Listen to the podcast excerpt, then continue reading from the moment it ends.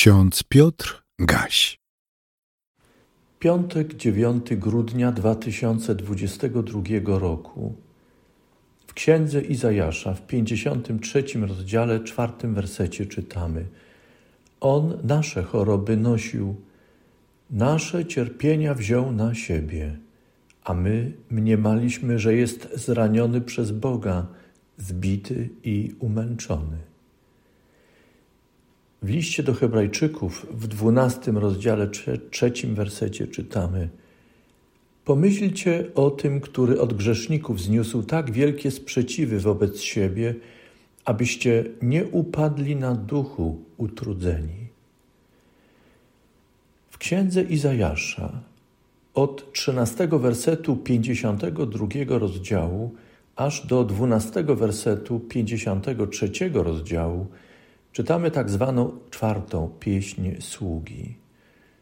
Tę piękną i nadzwyczaj poruszającą pieśń otwiera radosna zapowiedź.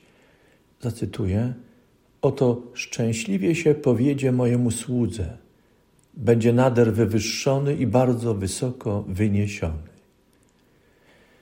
Taki obraz sługi jest zapraszający i obiecujący dla wszystkich, którzy poszukują sensownej drogi w życiu i chcą pracować, aby osiągnąć powodzenie, szczęście, wyróżnienie, chcą wejść na szczyt. Jednak dalej w czwartej pieśni sługi czytamy także te słowa. Cytuję: Jak wielu się przeraziło na jego widok, tak zeszpecony, niepodobny do ludzkiego był jego wygląd, a jego postać nie taka jak synów ludzkich. Tak wprawi w zdumienie liczne narody. Królowie zamkną przed nim swoje usta, bo zobaczą to, czego im nie opowiadano i zrozumieją to, czego nie słyszeli. Kto uwierzył wieści naszej, a ramię Pana komu się objawiło? Wyrósł bowiem przed nim jak latorośl i jak korzeń z suchej ziemi. Nie miał postawy ani urody, które by pociągały nasze oczy, i nie był to wygląd, który by nam się mógł podobać. Wzgardzony był i opuszczony przez ludzi, mąż boleści, doświadczony w cierpieniu jak ten, przed którym zakrywa się twarz. Wzgardzony tak, że nie zważaliśmy na niego. To ten sam sługa, o którym wcześniej czytaliśmy, że mu się szczęśliwie powiedzie. Będzie nader wywyższony i bardzo wysoko wyniesiony. W takim razie, dla jakiej przyczyny sługa ów został wzgardzony, opuszczony? Był mężem boleści, doświadczonym w cierpieniu tak bardzo, że oglądanie go bolało, przerażało do tego stopnia, że zakrywano przed nim twarz. Inni, widząc wzgardę i brak przy nim obrońców, uznali go za słabeusza, niewartego uwagi. Być może zajęci swoimi własnymi, swoim własnym cierpieniem, stwierdzili, że taki słabeusz nie jest w stanie im pomóc. Zgorszeni poszli swoją własną drogą, i nie zważali na drogę sługi z księgi Izajasza. Przez wieki czytający czwartą pieśń sługi usiłują poznać, kto nim jest. W dziejach apostolskich w ósmym rozdziale czytamy o spotkaniu i rozmowie Filipa z dworzaninem etiopskiej królowej Kandaki. Ten zarządca całym jej skarbcem, jak o nim czytamy, wracał z Jerozolimy i czytał księgę Izajasza. Kiedy Filip go zagadnął, akurat czytał fragment z czwartej pieśni sługi. Cytuję: Jak owca na rzeź był prowadzony i jak baranek milczący wobec tego, który go strzyże. Tak nie otwiera ust swoich. W poniżeniu jego wyjęty został spod prawa. O jego rodzie któż opowie? Bo życie jego z ziemi zgładzone zostaje. Dworzanin nie rozumiał tego tekstu, więc zwrócił się do Filipa: Proszę cię, o kim to prorok mówi? O sobie samym, czy też o kim innym? A Filip otworzył swoje usta, jak czytamy, i zwiastował mu dobrą nowinę o Jezusie, począwszy od tego ustępu pisma.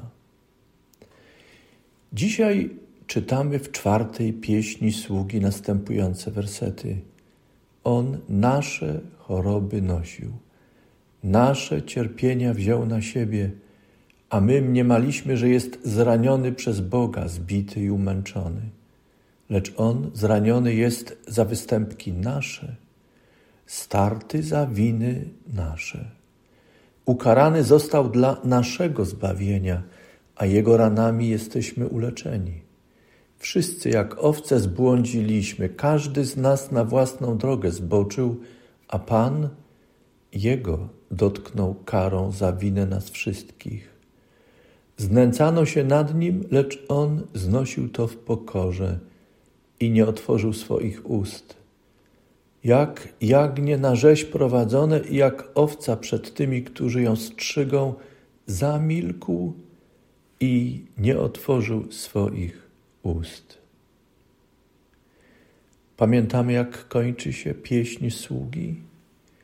Zwieńcza ją zapowiedź, że ten wzgardzony, prześladowany, umęczony i jednocześnie jakże cierpliwy sługa, który tak wiele wziął na siebie i do końca okazał Panu posłuszeństwo, zwycięży i zostanie wywyższony, bo przez niego spełni się wola Pana.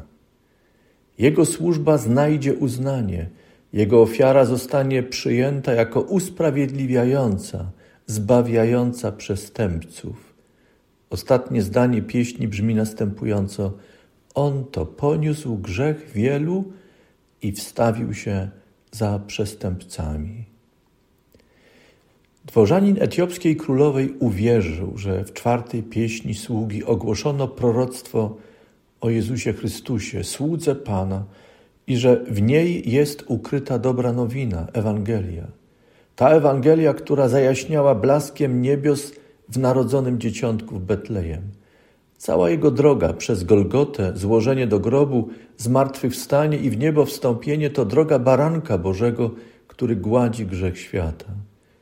Tak wypełniło się proroctwo, bo Chrystus, sługa Pana, wypełnił swoją służbę. Zbawiciel wstawia się za nami, oręduje za nami, grzesznikami, czyli przestępcami z powodu łamania Bożych wskazań.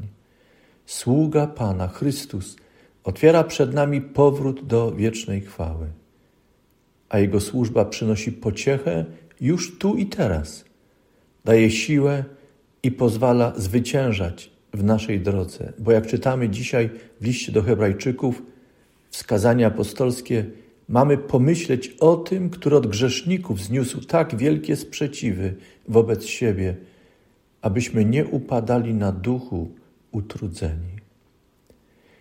Johann Hinrich Clausen napisał modlitwę, którą chcemy zakończyć nasze poranne rozmyślanie. Jezu Chryste, który jesteś obrazem Boga, byłeś wyszydzany, odrzucony, prześladowany, niesłusznie skazany, zabity. Tak wielu, którzy podążają za Tobą, jest dzisiaj prześladowanych, wypędzanych ze swojej ojczyzny oraz ograbionych z własności i życia. My, żyjący u siebie w pokoju i pod ochroną prawa, dostrzegajmy potrzeby naszych prześladowanych braci i sióstr w wierze na całym świecie. Amen.